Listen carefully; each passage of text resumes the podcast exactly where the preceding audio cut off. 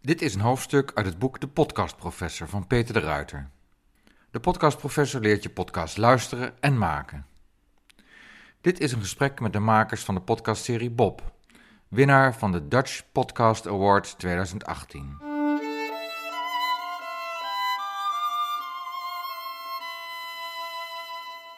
Wie is Bob en wie hebben hem tot leven gebracht? Op verzoek van de Vlaamse dame Elisa. Op haar 84ste koestert deze Elisa zoete herinneringen aan haar jeugdvriendje Bob, die bij haar in Antwerpen om de hoek woonde.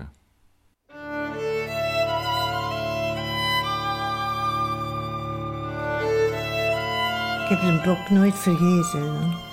Ja. Ik dacht altijd dat ik met een Bob zou trouwen. Hè? Dat ik heel, zo lang als ik leefde bij een Bob zou blijven. Hè? Maar, ja. Maar dat is niet gebeurd. Dus, uh... Maar de vraag is ook, heeft Bob wel echt bestaan? En heeft zij inderdaad een voorechtelijk kind van hem gebaard? Of is ook dat feit ontsproten aan Elisa's rijke fantasie, in gang gezet door dementie?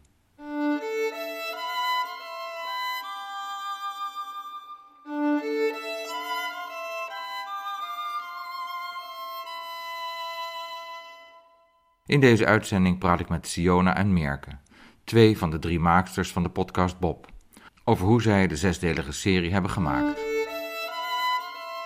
Het gaat interessant worden, want of Bob bestond echt en we hebben een ongelooflijke uh, ontdekking gedaan voor één vrouw.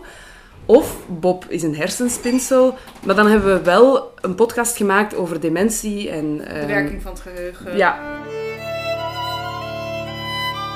Sowieso was er iets mysterieus aan Ja. de hand. Of met de werkelijkheid, Ja. of met haar brein. De drie maaksters van podcast Bob gaan door het leven onder de naam Audiocollectief Schik. Het gesprek vindt bij toeval plaats in een vergaderzaal van Tony's Chocolonely, maker van bijna slaafvrije chocola.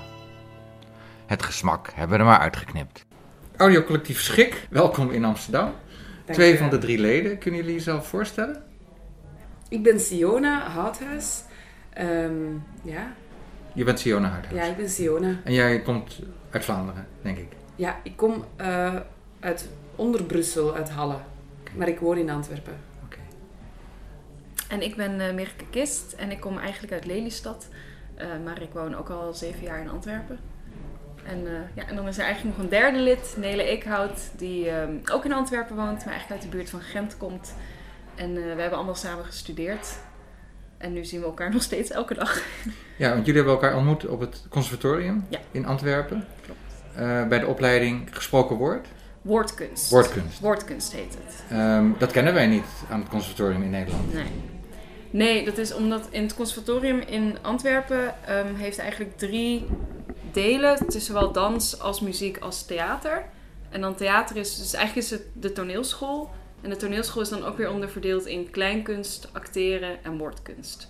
En woordkunst is dan weer een opleiding waarin je zowel wordt onderricht in schrijven, dus voor eh, proza, poëzie of voor theater. Ehm, media, dus interviewen, presenteren, eh, radio maken. is heel creatief altijd, niet per se journalistiek. En ehm, acteren. Op een podium staan met teksten, eh, soms met je eigen teksten, soms met literaire teksten.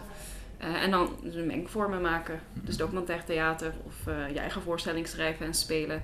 Dus een heel eh, brede, heel brede opleiding. En ik spreek jullie omdat je toch wel toevallig in Amsterdam was. Ja. Met wat voor doel? Eh, we hebben gisteren een workshop gegeven eh, aan ja, allemaal televisiemakers en radiomakers eh, van ehm BNN Vara. Ja, En zometeen is de uitreiking eh, van de zilveren reismicrofoon. En we hebben daar een eervolle vermelding. Dus daar komen Dat kun je we nu al zeggen. een oorkonde voor ophalen. Ja, ja, dat is al bekendgemaakt. Maar vandaag moesten we dan het eh, velletje papier gaan ophalen. Oké, nou gefeliciteerd. dank je. Dankjewel. Geweldig.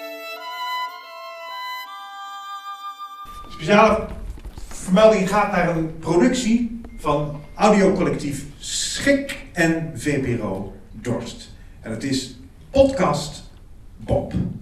En de luisteraar leeft dankzij die uitstekende vertelstructuur mee tot de laatste minuut van deze podcast. Het is een geweldige serie, zes afleveringen, knap gemonteerd, waardoor het medium podcast een, een hele eigen plaats krijgt. En het werpt een zeer creatief licht op een zeer belangrijk maatschappelijk fenomeen, met een maatschappelijk fenomeen, een probleem dat steeds belangrijker wordt, dementie.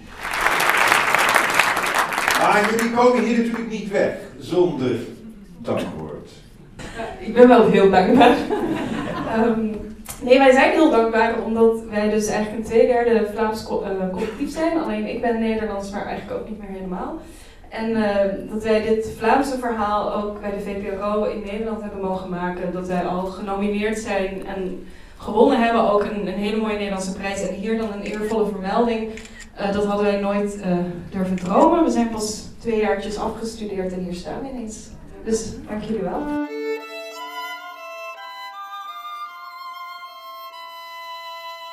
Jullie hebben hier geheimen verteld aan eh, de makers van BNN Vara. Ja, dat, dat zei ik gisteren wel tegen Mirke. Wij laten echt wel in onze keuken kijken. En dat is niet erg, maar dat is wel... Ja, we leren onszelf ook wel kennen op die manier. Ja. Hoe werken we? We hebben echt moeten analyseren. Als je zo drie uur moet gaan spreken voor een groep, dan analyseert je echt hoe je zelf te werk gaat en wat je zelf heel goed vindt en, en waarom je dat goed vindt. En, en ja, hoe, dat je dat dan, hoe dat je dat niveau kunt bereiken. En hoe dat wij dat met drie hebben gedaan enzovoort. Ja. Ik, heb, ik heb me wel eens afgevraagd van, oh, moeten we dat nu wel doen? moeten, we, moeten we al onze kennis gaan prijsgeven? Maar jawel, want ehm, ik denk dat wij willen gewoon dat er heel veel goede podcasts gaan worden gemaakt. Dat als dat niveau in het algemeen omhoog gaat. Ik bedoel, het, het landschap is nu nog best wel kaal. Ehm, dus ja, er is nog zoveel ruimte voor zoveel goeds. Dus ik denk dat wij ook onszelf helpen door hopelijk ervoor zorgen dat er meer goede makers komen. Ja, absoluut. Heel belangrijk. Want daardoor komt er meer aandacht voor podcast. Ja, en daardoor is gewoon meer verscheidenheid. Want nu, ehm, heel veel mensen luisteren voornamelijk Amerikaanse podcasts. Of ik in elk geval ook. Omdat, ja, er zijn niet zo heel veel eh, narratieve Nederlandse podcasts Verhalende die echt goed ja? zijn. Ja, Ja, ja. verhalen. Je hebt natuurlijk tegenwoordig heel veel interviewpodcasts. En daarin, dat is omdat het makkelijker en toch wel iets goedkoper is om te maken. En daarin heb je wel veel verscheidenheid. Sommige zijn ook goed en sommige ook niet. Ehm, maar ja, je, je, je maakt dat medium ook meer waard als, het beter, als de verhalen beter worden. Ja. En, en de drempel bij de luisteraar om echt Engelse podcasts te gaan luisteren, zeker voor een bepaalde generatie, is denk ik volgens ons toch nog wel groot. Dus hoe meer er in onze taal ook eh, podcasts komen, hoe beter. En stel nou dat er eh, eh, mensen naar deze podcast luisteren die ook podcast willen maken. Hebben jullie dan, zeg maar zo, voor de vuist weg een aantal adviezen of tips? Er zijn zoveel tips en op zoveel vlakken te geven. Mhm. Ehm, Veel luisteren, denk ik. Het is, om zelf te beginnen oefenen heb je niet zoveel nodig. Je hebt een opnameapparaatje nodig, maar dat, dat kan je ook met je smartphone doen. Of je hebt voor 100 euro al iets simpels. Je hebt ehm, montageprogramma's die je gratis kan gebruiken, tijdelijk of altijd. Dus ook da- daarin kan je best wel iets vinden. Ehm, dus in principe gewoon om te oefenen, ja, heb je niet veel nodig. En verder heb je ook steeds meer toch wel ook nog wel cursussen. Wij geven soms ook workshops of summer schools. Ehm, of ja, online. Of je luistert veel naar speeches van bijvoorbeeld goede radiomakers. Eh, Ja, dat is dus- echt. ja, er is dat- een, een speech van ehm, Lulu Miller. eh, die sprak op eh, de verhalende conferentie van 2016 of 2017. En die moet je echt absoluut gaan opzoeken, want dat is 40 minuten goud dat ze spreekt. Echt, Lulu Miller. Lulu Miller Ja. van eh, de podcast Invisibilia Ja. van NPR. Ja, zij geeft echt eh, gou- gouden tips. Wat, wat sprak je vooral aan? Alles wat ze vertelt is Ja? gewoon interessant. How to make it a better date. Dat vond ik wel een goeie. Hoe maak je van het interview een betere date? Zei ze dus hoe... Ze is altijd probeert te denken, hoe kan ik het gesprek leuker maken of interessanter maken door bijvoorbeeld te denken, oh, we gaan het... eh, het was een we gaan het op de fiets doen, want dat fiets heeft ook iets met het verhaal te maken. Of we gaan het eh, in de bergen doen, want het heeft iets met de berg te maken. Of we gaan ehm, samen ook naar een stukje film kijken, hoe ja, How to Make It a Better Date. Ik vond dat, hm. omdat wij denken daar ook veel over na, van hoe zorg je dat er actie komt in je interview, actie in je verhaal. Ehm, dat het niet alleen maar een, een opname is van een gesprek.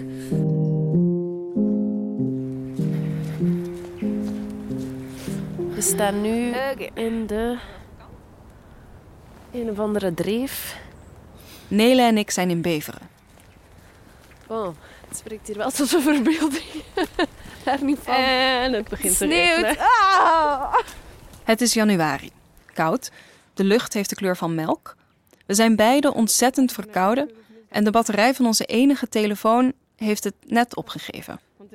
We staan op een verlaten weg naast het spoor. Zonder routebeschrijving en zonder een greintje natuurlijk richtingsgevoel. Ik zou verder langs daar gaan. Echt?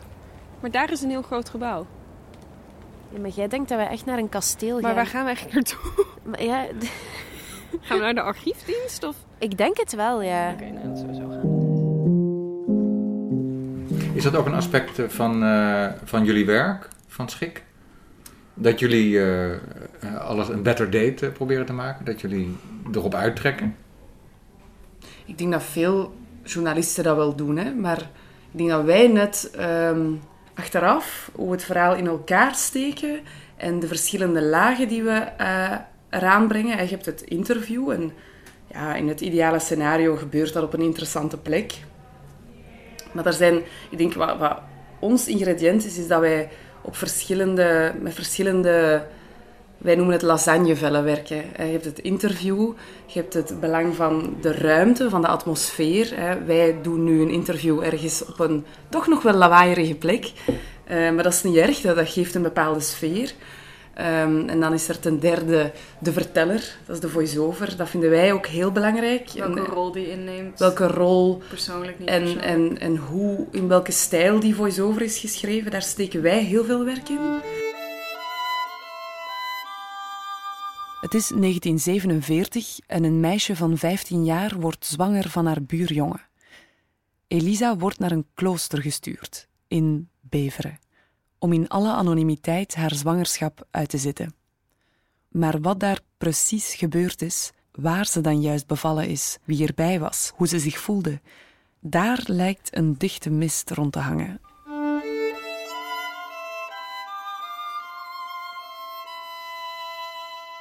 En dan heb je ten vierde de muziek en het sounddesign.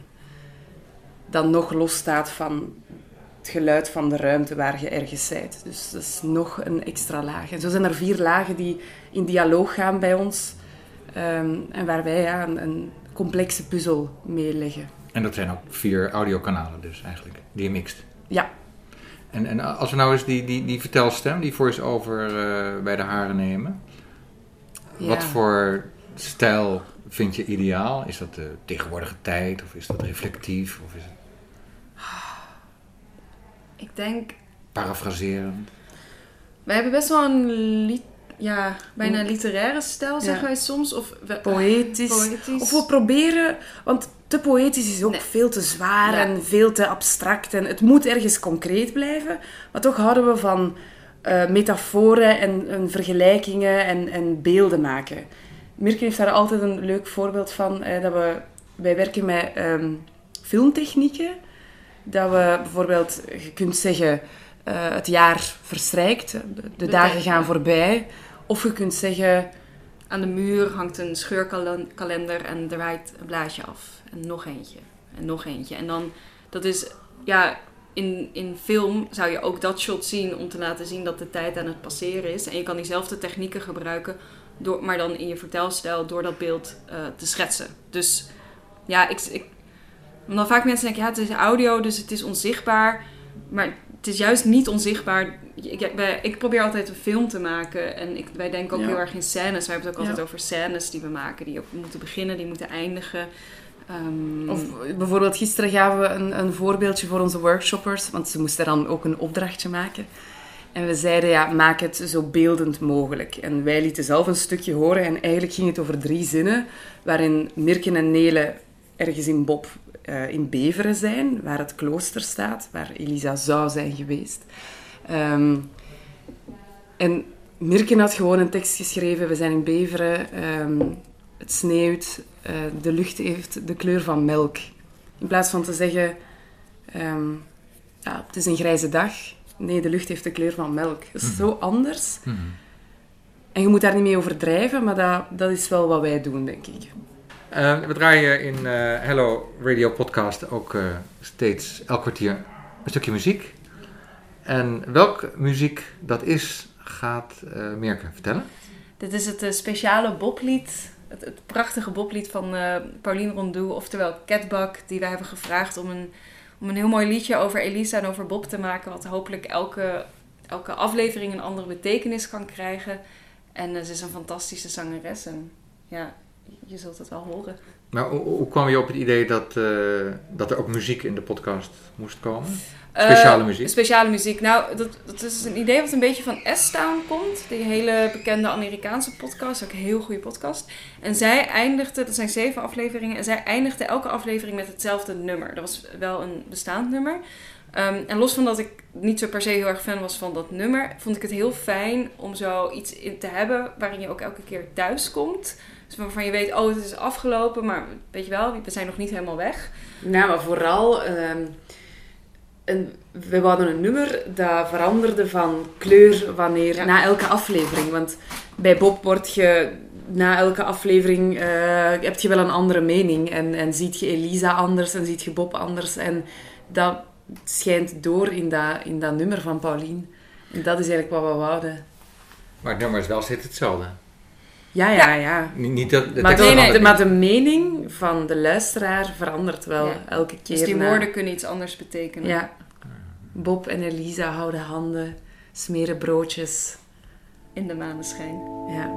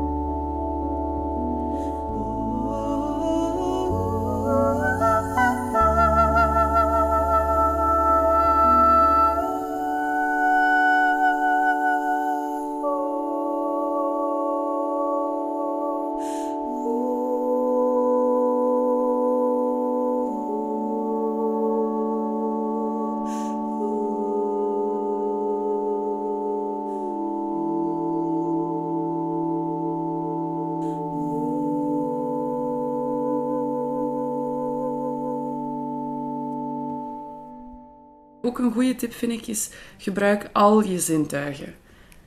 Beschrijf niet enkel wat je, wat je ziet, maar wat je voelt, wat je ruikt. Um, ja, komt je ergens in een benauwde ruimte of een bedompte ruimte? Of, um, ja, we gaven gisteren een opdrachtje, met een, we gaven een foto uh, van allemaal mensen die ergens in een hotdogbar staan en ze wachten. En ze, het is ergens op een strand en ze hebben allemaal strandkleren aan. En ze wachten om hun hotdog uh, te krijgen.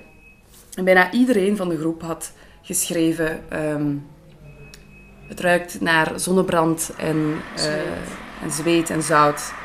Iedereen. En dat is mooi en dat is goed, maar dat is wel een beeld dat, dat wordt platgeslagen. Hm. En- Cliché. Ja, ja. Maar je moet daar doorheen. Je moet daar, wij hebben dat ook allemaal Je gedaan. schrijft dat op en dan denk je nee. En dan vervang je dat door iets anders.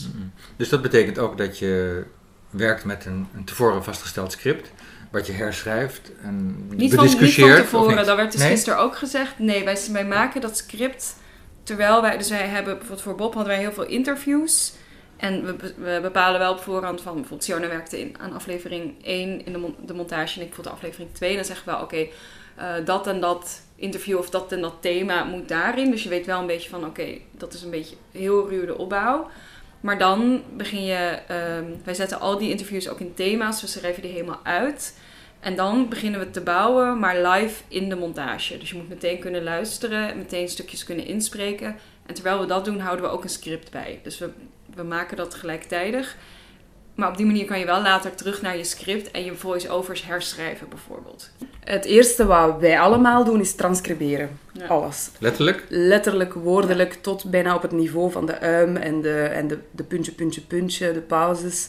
Eh, en dan kijk ik echt naar het script, dat, die transcriptie en begin ik zo te bouwen en schrijf ik voice-overs. En als ik tien zinnen heb geschreven, Dan maak je dat. dan moet je dat direct maken. Want dat had ik met aflevering 1 van Bob niet gedaan. En ja, dat werkt gewoon niet. Dan heb je een half uur audiomateriaal dat ritmisch niet klopt. Terwijl je had na tien zinnen eigenlijk al kunnen merken dat het Ja. nog een keer moest misschien. Ja. Als je bijvoorbeeld een quote hebt gekozen uit je transcriptie, en dan schrijf je daar een stukje voice-over bij, bijvoorbeeld drie zinnen, en dan heb je terug een quote van diezelfde persoon, en dan heb je nog een stukje voice-over, maak dat al meteen. Want op In de audio, ja. in de montage. Want op papier ziet dat er misschien heel goed uit, maar misschien klinkt het echt voor geen meter. Ja, Ja, ja, je moet het meteen toepassen om te kunnen controleren of het werkt. Ja. ja. ja, Omdat het, het, is, het is ook werken met geluid, het is een compositie. Je bent een beetje een... een, een ehm, amai. Componist. Componist. een component wou ik Een schrijven. componist. Een componist, ja. Ja, ja, die een partituur maakt Ja. Ja, op vier regels. Ja, soms zelfs op meer. ja, Ja, ja. mooi. Dat is een beetje wat de vertellersrol bij ons Ja, ja. is. Ja, en dat we ook wel heel erg hebben gezocht. En we nog steeds zoeken per project wat onze stijl wordt. Bijvoorbeeld bij onze eerste podcast, De Roes, dat was een thematische podcast hè, over in, ook in vier afleveringen een ander aspect van de roes. Dus de hormonenroes of de drankroes of, hè, of nuchter zijn juist. Ehm, en daar hadden wij als voice, onze voice-over, die rol was toen heel erg ja, de radiopresentator die eigenlijk de stukjes aan elkaar praat. Want we hadden steeds verhalen van mensen, maar we hadden onszelf daar uitgelaten. Dus dan zei ik bijvoorbeeld, nou, en eh, we gaan het nu hebben over eh, ayahuasca. Hier is het verhaal van Laura. Iets beter geschreven dan dat, maar dat, daar kwam het wel op neer. Maar hoe gaat dat buiten de schoolbanken? Deze jongen en dit meisje hebben het aan den lijve ondervonden. Ik herinner me dat we op een, een bankje zaten, een, een wit bankje voor een café. Zo'n een, een vervallen wit bankje. Dat café is dicht. We, we bleven met twee achter en Ik dacht van, eh, oeh, wat? Hè? Jij, jij wilt ook niet naar huis. En, en die vriendinnen waren ook al weg. En ik dacht, wat doet die jongen hier nog? Waarom blijft die, blijft die vrouw ook hier zitten? Wat overkomt mij nu? Wat, wat gebeurt er eigenlijk? Hoe, kan ik dit nu gaan? Nou, of wat is er nog interessant? En ik dacht, wilt hij, wilt hij mij nu kussen? Of wat, wat is dat? Wat, wat is dat hier echt? Ah, Ik ben ook niet zo'n snelle of zo. Niks ervan. Weg. Ik moet hier weg nu naar huis. Ik heb een lief en dat kan allemaal niet. Maar ja, de, de volgende dag was het dan toch weer. eh, Wanneer kan ik die jongen weer terugzien? Ja, haar gezicht. Ja, gewoon haar gezicht. ja. Voor Bob voelden we van, ik vind het eigenlijk te droog, is niet persoonlijk, dat moet veel beter kunnen. En dan in Bob hebben we heel erg gezocht naar van hoe, wat gaat onze rol hierin, hierin zijn. We zijn ook met, met z'n drieën ehm, en we merkten van, oké, dat verhaal van Bob was sowieso interessant en, en Elisa ook, maar ja, het was onze fascinatie die ons dreef, al de vragen die wij hadden. ehm, de twijfels die wij hadden, wij die op pad gingen. Dus dan hebben we op een gegeven moment besloten van oké, wij, wij moeten echt in het midden van die actie staan. Wij gaan een soort personages worden zonder dat we ook een soort van ons hele levensverhaal vertellen. Dat hoeft helemaal niet. Maar je ziet dat verhaal door onze ogen. We hebben er dan ook echt voor gekozen om... Ja, er zitten gesprekjes in dat we bijvoorbeeld aan het lunchen zijn. En dat ik zeg van, eh, ik denk dat het nog waar is. En dat Siona zegt, nee, volgens mij niet. Of ik weet niet meer hoe het ging. Maar eh, dat we echt het heel... Ja, dat we eh, dat echt een, een heel subjectieve, persoonlijke verteller hebben gemaakt. Elk spoor liep dood. Oké, Merk. Wat gaan we doen? We gaan alle Magielsens bellen. In, in heel België. en dat zijn er best wel wat. Ehm, even kijken. 92. 92. En in Antwerpen, zo- want we zullen beginnen met Antwerpen, dat lijkt mij het meest eh, logisch. Een lichte 60 nog.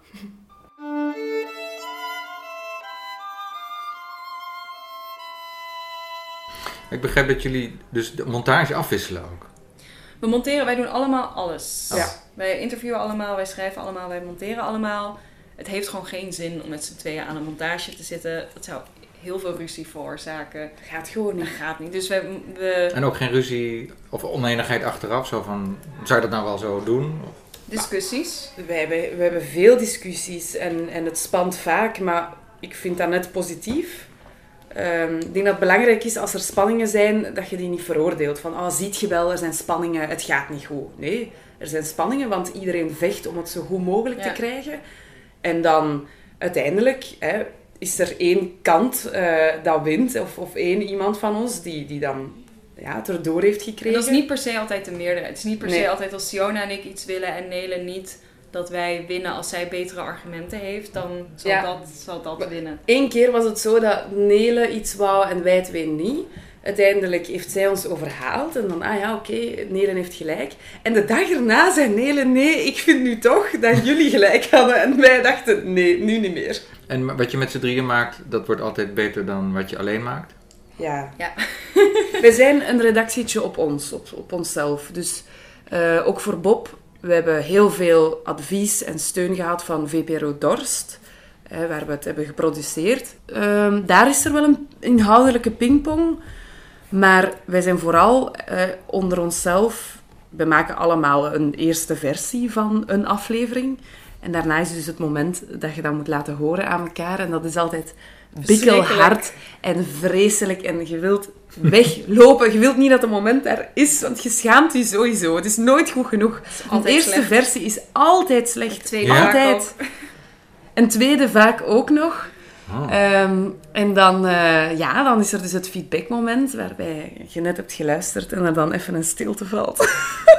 En waarop die mensen zeggen, ja, leuk, maar dit en dit en dit en dit en dit en dit en dit en dit en dit. Ja. En je zegt, oké. En je denkt, ik kan het niet, ik stop ermee. Ik ga advocaat worden. Ja.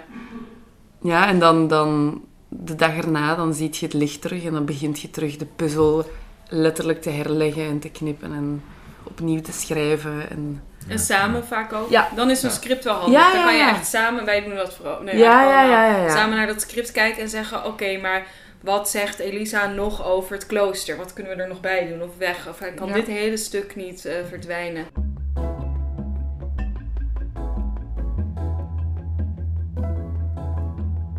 We draaien nu een eh, nummer op verzoek van Siona.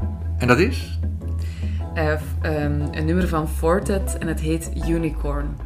En waarom dat nummer? Het is een instrumentaal nummer, wel redelijk heftig, dat zullen jullie allemaal horen, want het bouwt enorm op. Maar ehm, ja, we hebben het een paar keer gebruikt in eh, de Bob-serie. En elke keer als het werd ingezet, was het een spannend of een bijzonder moment. Ja, ja echt wel. Hè. Bijvoorbeeld op het einde van aflevering 2, wanneer Mirke een ontdekking doet in het archief, dan gebruiken we dit nummer. Zo spannend als emotioneel. Dat Ja, het bouwt ja, heel, heel emotioneel op. Ja, het heeft zo'n diepe baslijn.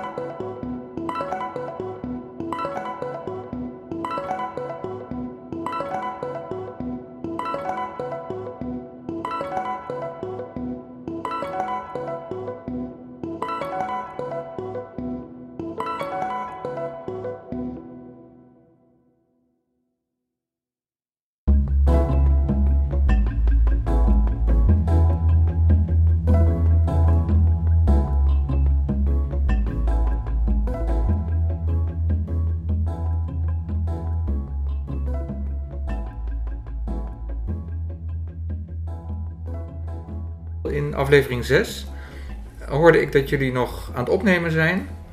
Terwijl de hele serie al begonnen is met Ja. uitzending. Ja. En dat vond ik eh, een beetje stressvol. Ja, oh, maar die weken, die weken, dat was niet meer leuk. Toen hebben we heel veel gehuild.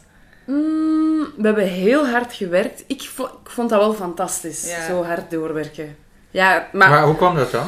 Maar wij- Waren wij- jullie te, te wij laat hebben- klaar met nee, alles? Nee, dat Wij- kwam door ITVA. Ja, wij hebben toegezegd om eh, mee te doen aan... aan of, of nee, wij waren toegelaten Ja, op het want wij wilden heel graag ITVA-festival. meedoen met ITVA. En ehm, ja, dan wouden wij daar direct een soort van eh, interactieve Bob-show van maken, terwijl... Bob Maar ook nog aan het bezig Bob is gewoon een podcast, dus luister ja, ja, ja. gewoon mensen, maar... Dat was wou, wou ook dat daar iets speciaals aan werd eh, gegeven. En, en ja, dan hebben wij daar een hele show van gemaakt en eigenlijk drie weken werk eh ingestopt. En dat was Ja, want het ITVA leuk. is het International Documentary Film Festival in Amsterdam. Ja. November, geloof ik. Ja. Ja. En eh, het, dat verraste mij, want eh, ja, het gaat over film. Ja, En dan gaat er opeens een podcast eh, van jullie in première. Ja, maar we werden wel geselecteerd voor DocLab. Dus dat is meer ehm, ja, andere vormen geven aan documentaire. Hè. Zij veel experimenteren. virtual reality. Ja. Het is altijd in de brakke grond en dat is heel leuk. En want het jaar daarvoor waren we ook geselecteerd met een audiowandeling. Op 17 november had, deden we die show, ging Bob in première en kwam dus ook de eerste aflevering uit. Wat meteen betekende dat ja, de tweede de week erop uitkwam, de derde de week daarop. Die hadden we klaar. De vierde hadden we nog niet klaar, de vijfde hadden we nog niet klaar, de zesde hadden we nog niet klaar. Ja. Dus wij keerden terug naar ITVA. We waren Dood op. alle drie kapot. Want dat is een show waar we zelf ook performen. En dat is allemaal in het Engels geschreven. En we zijn dan ook zo perfectionistisch als iets. Veel te ziek. Dus we zaten op de trein terug naar Antwerpen. En eigenlijk wouden we chillen. Maar we moesten over aflevering 4 praten op de trein. Want er was geen tijd te verliezen. En toen, toen brak er iets in ons. Dan dacht je wel even... Wow, je kunt niet zomaar verplicht worden om creatief te zijn en ja, blijven eh, wonderkindjes te baren. Of, dat gaat Het was gewoon gewoon even genoeg. Het was eh, heel hard werk, maar het heeft dus ik vond iets heel moois opgeleverd in aflevering 6. Dat ik, want ik was toen, ik was toen voor aflevering 6 nog eh, interviews aan het doen. En ik zocht dus iemand, een specialist dementie. En ik wilde iemand spreken, maar die, ik kreeg haar maar niet te pakken. En uiteindelijk vond ik Annetje, Annetje Bootsma. En zij had dus ook al naar Bob geluisterd. En dat, dat heeft wel een hele mooie laag gegeven. Oh ja, dat zei ze in de... Ja, ja, dus ja. Zij, kon, zij kon echt commentaar geven op hoe wij met Elisa omgingen. Ja. Omdat zij de eerste twee of drie afleveringen al had gehoord. Ja. Ehm, dus dat was, ja, het is een beetje door de omstandigheden zo gekomen.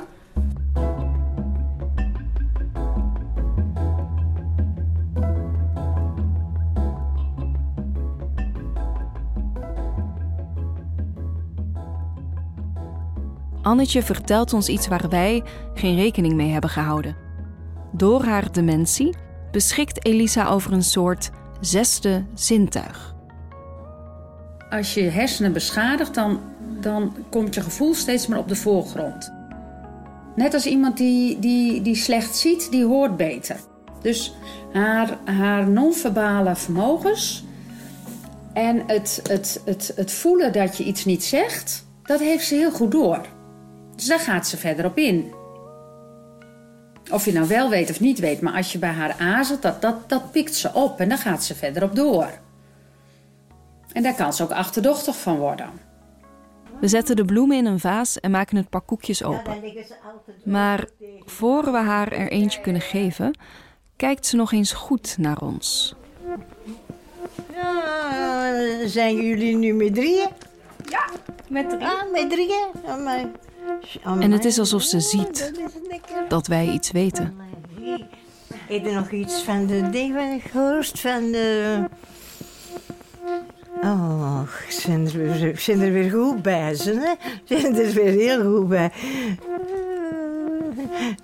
Van wie nou? Van wie was dat? Ik wil nog iets vragen. Van de Bob. De Bob.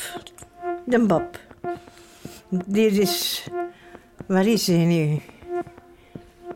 Je weet het toch wel. Je weet dat wel.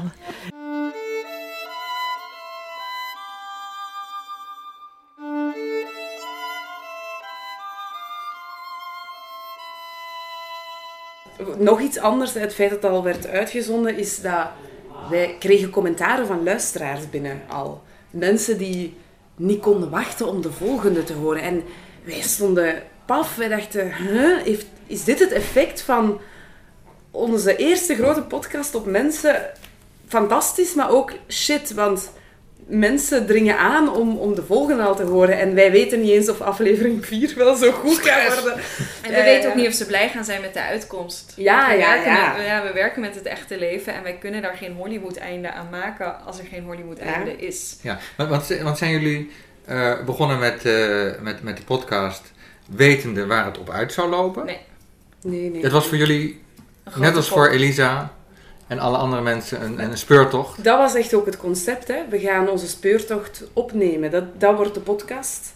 En eners wat de uitkomst zal zijn, ehm, wisten we wel op voorhand. Het, het gaat interessant worden, want of Bob bestond echt en we hebben een ongelooflijke eh, ontdekking gedaan voor één vrouw.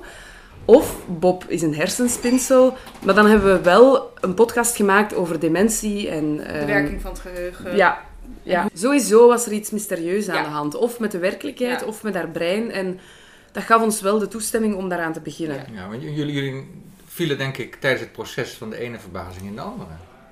Ja, in die gesprekken met Elisa. Oh ja, dat was... We Maar waren op een gegeven moment heeft ze het over de televisie. En zegt ze, ja, dat is mijn eh, alter ego of zo. En dan denk je van, Die speelt my god, ze heeft alles Maar- van de televisie. Elk bezoek aan Elisa was een avontuur gewoon. Omdat soms moesten we wel echt naar elkaar kijken van... Ja, dit gebeurt nu. Dit gebeurt. en achteraf zo moe en, en zeggen van... Oh jongens, we weten het echt niet. Het is zo'n mysterie. Was Mirke daar niet geweest, dan was ons onderzoek echt gestopt. Echt waar. Mirke, die heel... ehm, ja, ze heeft zo'n groot talent voor wiskunde en, en data en plus 100 jaar, min 75, dit, dat, dat. En Nelen en ik verloren het al elke, helemaal. Elke keer weer, hoe zit het nu? Echt Ja. zo, jongens. ja, nee, ja, je moet gewoon naar het archief. En eh, ja, nou, de privé, dit is 100 jaar, nee, 75. En wij, alle, Nelen en ik, verloren het gewoon. Ik geloof dat er oorspronkelijk vier afleveringen de bedoeling was. Dat was Ja. wel de bedoeling. Ja, vier afleveringen van eh, een kwartier, 20 minuten. Wauw. Daar ben je wel over Overheen je limiet gegaan. Ja. Ja. Maar we Gewoon wisten- omdat het zo rijk was, Ja. zeg maar. Ja. Want we wisten dus echt niet wat we zouden vinden. Soms dachten we, dit is goud. En andere momenten dachten we, oh nee. Oh, oh nee, nee, nee. Dit is allemaal... dit is echt shit. We voelden wel, we begonnen echt van Elisa te houden. Echt enorm, ja. En wanneer hadden jullie eh, in de gaten dat de serie een hit was? Eigenlijk aflevering 1, 2 en 3 waren uit. En toen waren wij nog volop aan het werken. Ja. Elke dag tot s'nachts. En we kregen heel veel telefoon van journalisten. En ook hè, vooral journalisten van... van ja, je hebt dan de, de, de populaire kranten die dan echt belden en zeiden... Ja, Siona, ehm, bestaat Bob? Kom, wil je het me geven? En dan denk ik, oh, maar dat is zo jammer, want daar gaat het ook niet- zo hard niet om voor ons. Het gaat om zoveel meer dan dat. Dat maakt ons wel kwaad, maar ook wel interessant om te zien hoe, hoe die media werken. Ja. Hoe zij denken. Als, als we even praten over het einde, wat we niet zullen verklappen. ehm, zijn jullie er tevreden mee, zoals het afloopt? Ja, ik ja, wel. Ik eigenlijk ook. Ja, omdat, ja, natuurlijk, je kunt weinig zeggen zonder dingen te verklappen. Hè. Maar toch, als, want veel mensen, de, de bepaalde antwoorden worden, vragen worden opgelost. Er blijven ook nog wel wat vragen over, dat kunnen we wel zeggen. En vaak spreken mensen mij nog aan van, eh, en weet je al meer? En heeft, eh, heeft eh, die en die en die nog iets willen zeggen?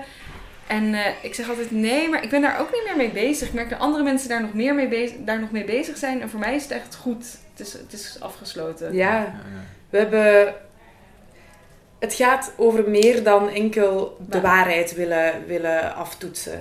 Het, gaat, het overstijgt dat. Het gaat over de mens en over oud worden en, en over respect hebben voor elkaar. En ja, ik ben daar echt heel blij mee.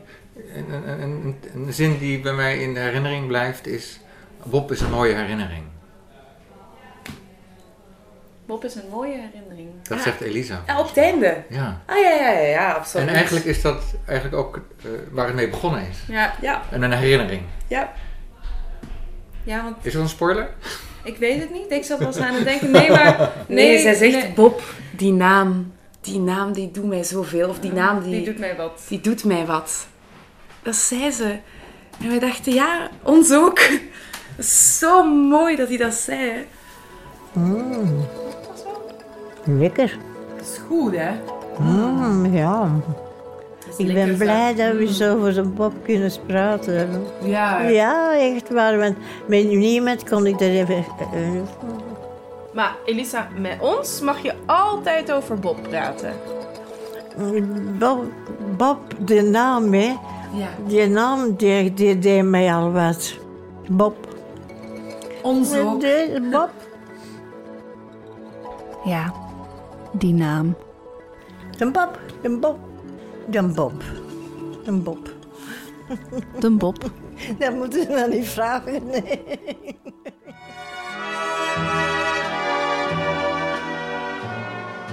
We'll meet again. Don't know where, don't know when, but I know we'll meet again some sunny day.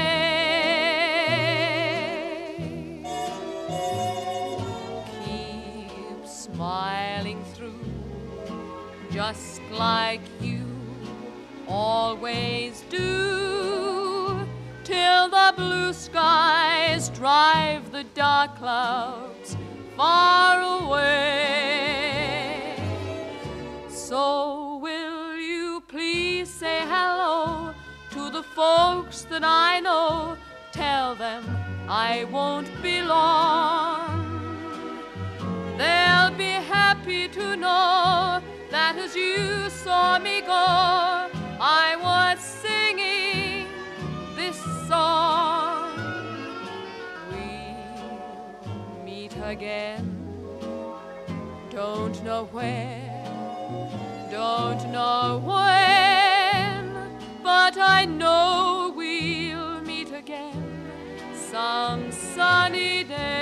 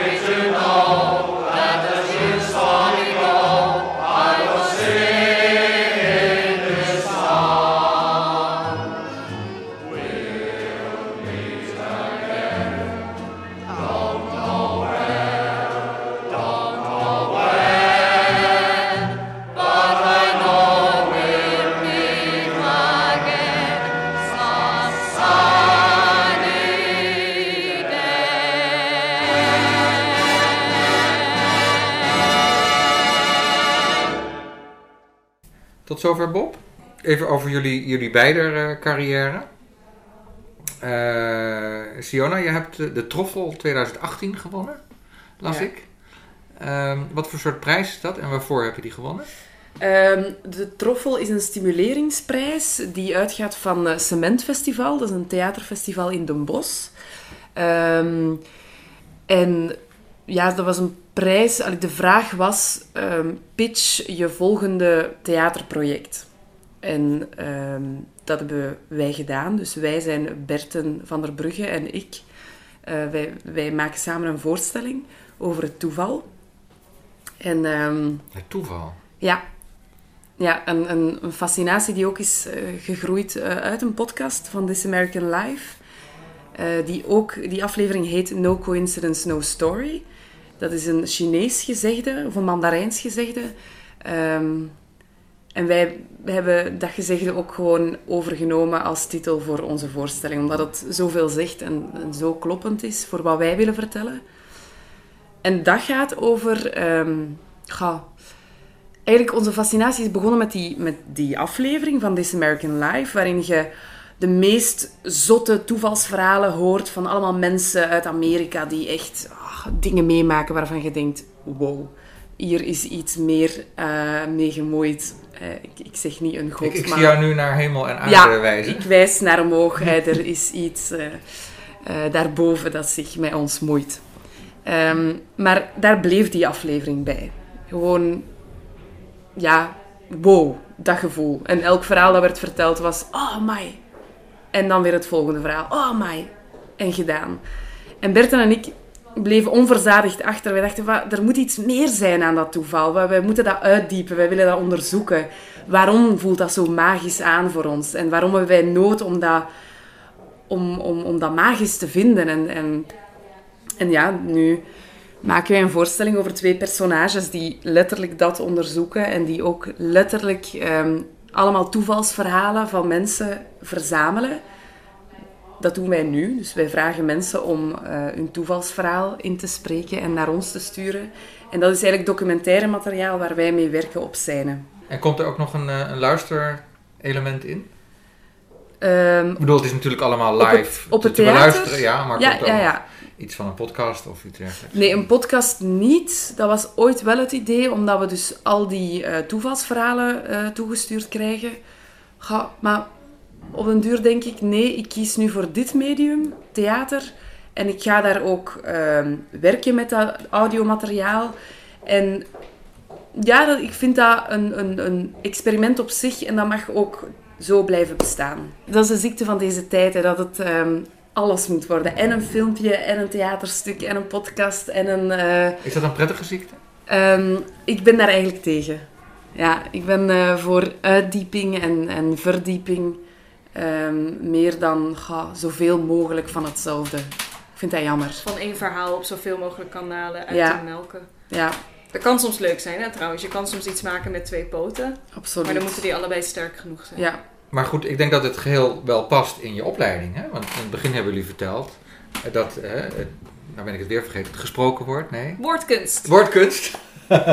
dat dat ook eh, eh, theatrale elementen heeft. Ja, ook in opleiding. echt, wij zijn allemaal kindjes van onze opleiding. Dus Ja, ja. wij leerden daar ehm, ook echt bijvoorbeeld ehm, performances maken die we zelf hadden geschreven, bijvoorbeeld. Of performances waar we verplicht eh, media bij moesten gebruiken.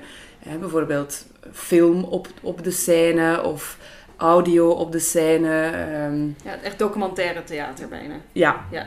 Ja, ja en dat, dat is wat wij nu allemaal nog altijd doen. Ben jij trouwens ook de oprichter van Schik? Ben je begonnen? Nee. Wij zijn alle drie tegelijkertijd oprichter van Schik. En wat betekent de naam? Ehm, Dat verhaal Schik- vertel jij Ja, nee, nee, dat verhaal vertelt eigenlijk Nele. ja. Ja. Ehm, schik is een verwijzing naar de, de drie schikgodinnen. En eh, niet omdat we onszelf nu zo, zulke prachtige godinnen vinden. Maar eh, de drie eh, schikgodinnen, eh, de Three Fates, die, die, ja, dat zijn de vrouwen die de levensdraden... één één spint de levensdraad, de ander meet hem en de derde knipt hem. Ehm, dus dat is een, een verwijzing naar wat wij ook doen. Wij pakken mensen hun levensverhalen, wij knippen die, wij spinnen die in een bepaalde vorm. Ehm, en het is ook daarin, daar zit ook een soort waarschuwing in. ehm, want audio heeft, dat is een onzichtbare montage. Wij kunnen in principe doen met mensen hun verhalen wat we willen. Ehm, maar je hebt dus een hele grote verantwoordelijkheid en je moet die verantwoordelijkheid ook eh, kunnen dragen. Ehm, dus het is ook een soort van waarschuwing of verwijzing voor onszelf binnen die naam. Dus vandaar schik. En het werd hem, het werd hem eh, de naam werd ons eh, gratis naar ons toegegooid. Want eigenlijk zeiden mensen het op school over ons. Want wij waren altijd met drie, want we hielden al, al heel snel van elkaar. En dan liepen we met drie over de gangen in de school, altijd, altijd, altijd samen. En dan blijkbaar zeiden ze de schikgodinnen over ons. En eerst vonden we dat niet zo leuk, want we waren ook altijd de drie meisjes van K3 en eh, wat nog, de drie geitjes. ehm, Ja, echt heel erge dingen. Waar we niet blij mee waren. Maar dan hebben we dat dus toch wel, dat uh, naampje eruit gepikt om uh, onszelf te gaan noemen. Ja. Uh, Merke. Ja. Ik zie dat jij een prijs hebt gewonnen. Een schrijfprijs. Ja. Een paar jaar geleden nu al. Uh, dat is Right Now. Dat is een schrijfwedstrijd in heel Nederland en Vlaanderen voor ja, jongeren van, ik denk van 15 tot en met 24. Ik weet, ze, ze morrelen daar nog wel eens wat aan. Um, en dat is wel leuk, want je, hebt dan, je kan meedoen met proza, maar ook met poëzie, maar ook met volgens mij een raptekst als je wil. Nu doen niet zoveel mensen dat.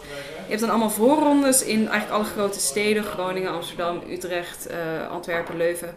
Um, en dan van al die voorrondes heb je dan een eerste, tweede, derde prijs. En dan win je geld aan boekenbonnen. En alle eerste, eerste prijswinnaars van al die steden gaan naar de grote landelijke finale. En dan moet je weer een nieuw verhaal of gedicht schrijven. Um, en dan, daar komt dan één grote winnaar uit. En uh, in 2015, wil ik zeggen, ja. ja uh, was ik die uh, grote winnaar. En dat was, dat is heel fantastisch, zeker als jonge schrijver, omdat um, ja, het helpt gewoon om dat soort dingen te winnen, om onder aandacht te komen van uitgeverijen of van literaire magazines. Of, um, en wat heb je geschreven? Ik heb toen een een verhaal geschreven en dat heette, maar jij gaat dat beter kunnen zeggen. Weet je niet? De, de titel weet ik niet meer. Ja, maar jij kan, uh, jij kan Italiaans. Ah, Il Pittore del Silenzio. Del Silenzio. Ja, de, de schilder van de stilte. Ja, dat was een verhaal over een gezin, een Nederlands gezin van zes, die in een museum naar een schilderij staan kijken. Um, en die, uh, die daar zo lang staan dat dan de mensen beginnen denken dat zij een soort van onderdeel zijn van, die, van dat museum. En dan ik beschrijf elk, elk lid van dat gezin, um, ja, en wat ze daar precies staan te doen. En eigenlijk vooral hoe ze ook weer aan het verdwijnen zijn. Beetje een vaag verhaal, nu klinkt het, maar... Uh, dat was prachtig. Uh, dus uh, ja, daarmee heb ik dat, dat, toen gewonnen. Ja, heel leuk. Mooi. En, en verder ben je ook in de prijs gevallen met een, een podcast van drie minuten. Ja. Over het eten van een appel. Klopt. Of het eten van een paar appels, dat is korte golf. Dat is ook een Zeker als je beginnende podcastmaker bent, een hele leuke wedstrijd om aan mee te doen. Heel laagdrempelig. Drie minuutjes, je krijgt drie voorwaardes. Maar, nee, kan niet meer praten. Waar het aan moet voldoen. In mijn jaar was dat, er moest een bevrijding in zitten, het geluid van gedrup en er moest een stuk speelgoed in de titel. En ik heb dan een stukje gemaakt dat heette Twister. En dat ging over een, een vriendin van mij die anorexia heeft gehad en die maar vier appels at. Die enkel oh, ik dacht dat het over jou ging. Nee, dat was ik niet. Nee, Ah, grappig. ja. Nee, ah, nee. Oh, ja, maar zij had vier appels. Ja, zij had vier appels. Ja, ja nee, hmm. dat is niet ik. Dat is een uh, vriendin van mij. Zouden er nog mensen Nou ja, de, de, de, ze zei inderdaad dat ze heel mager was. Dus nou, dat kon ik al niet plaatsen, inderdaad. Want Mirke is heel dik? Nee, sorry. nee, je hebt gewoon normaal postuur. Altijd. Ja. 1, 2, 3, 1, 2, 3, 4. Appel 1 was bij het ontbijt. En uh, ik sneed hem dan ook netjes in stukjes. En ik altijd met vork en mes. Uh, en ik koude daar behoorlijke tijd op. Uh, appel 2 was bij lunch. Dus ook in stukjes. En soms als ik onderweg was, dan ik het in een bakje, zodat ik het uh, kon eten ergens op straat. En appel drie was zo tussendoortje, rond een uur of vier. Appel vier was mijn avondeten en ook dat deed ik met mes en vork en in stukjes. Ik, ik had ook een meisje in de groep die had alleen paprika's. Maar dat is heel raar om een paprika in de tram te eten. Een appel, dat kan dan nog. En overal zijn appels. Iedereen heeft een appel. Dus ik dacht, als ik dan in de problemen kom, dan zijn, is er vast wel iemand die een appel heeft. Tot zover het hoofdstuk over podcast Bob. In het boek De Podcastprofessor tref je een geschreven versie aan van dit interview.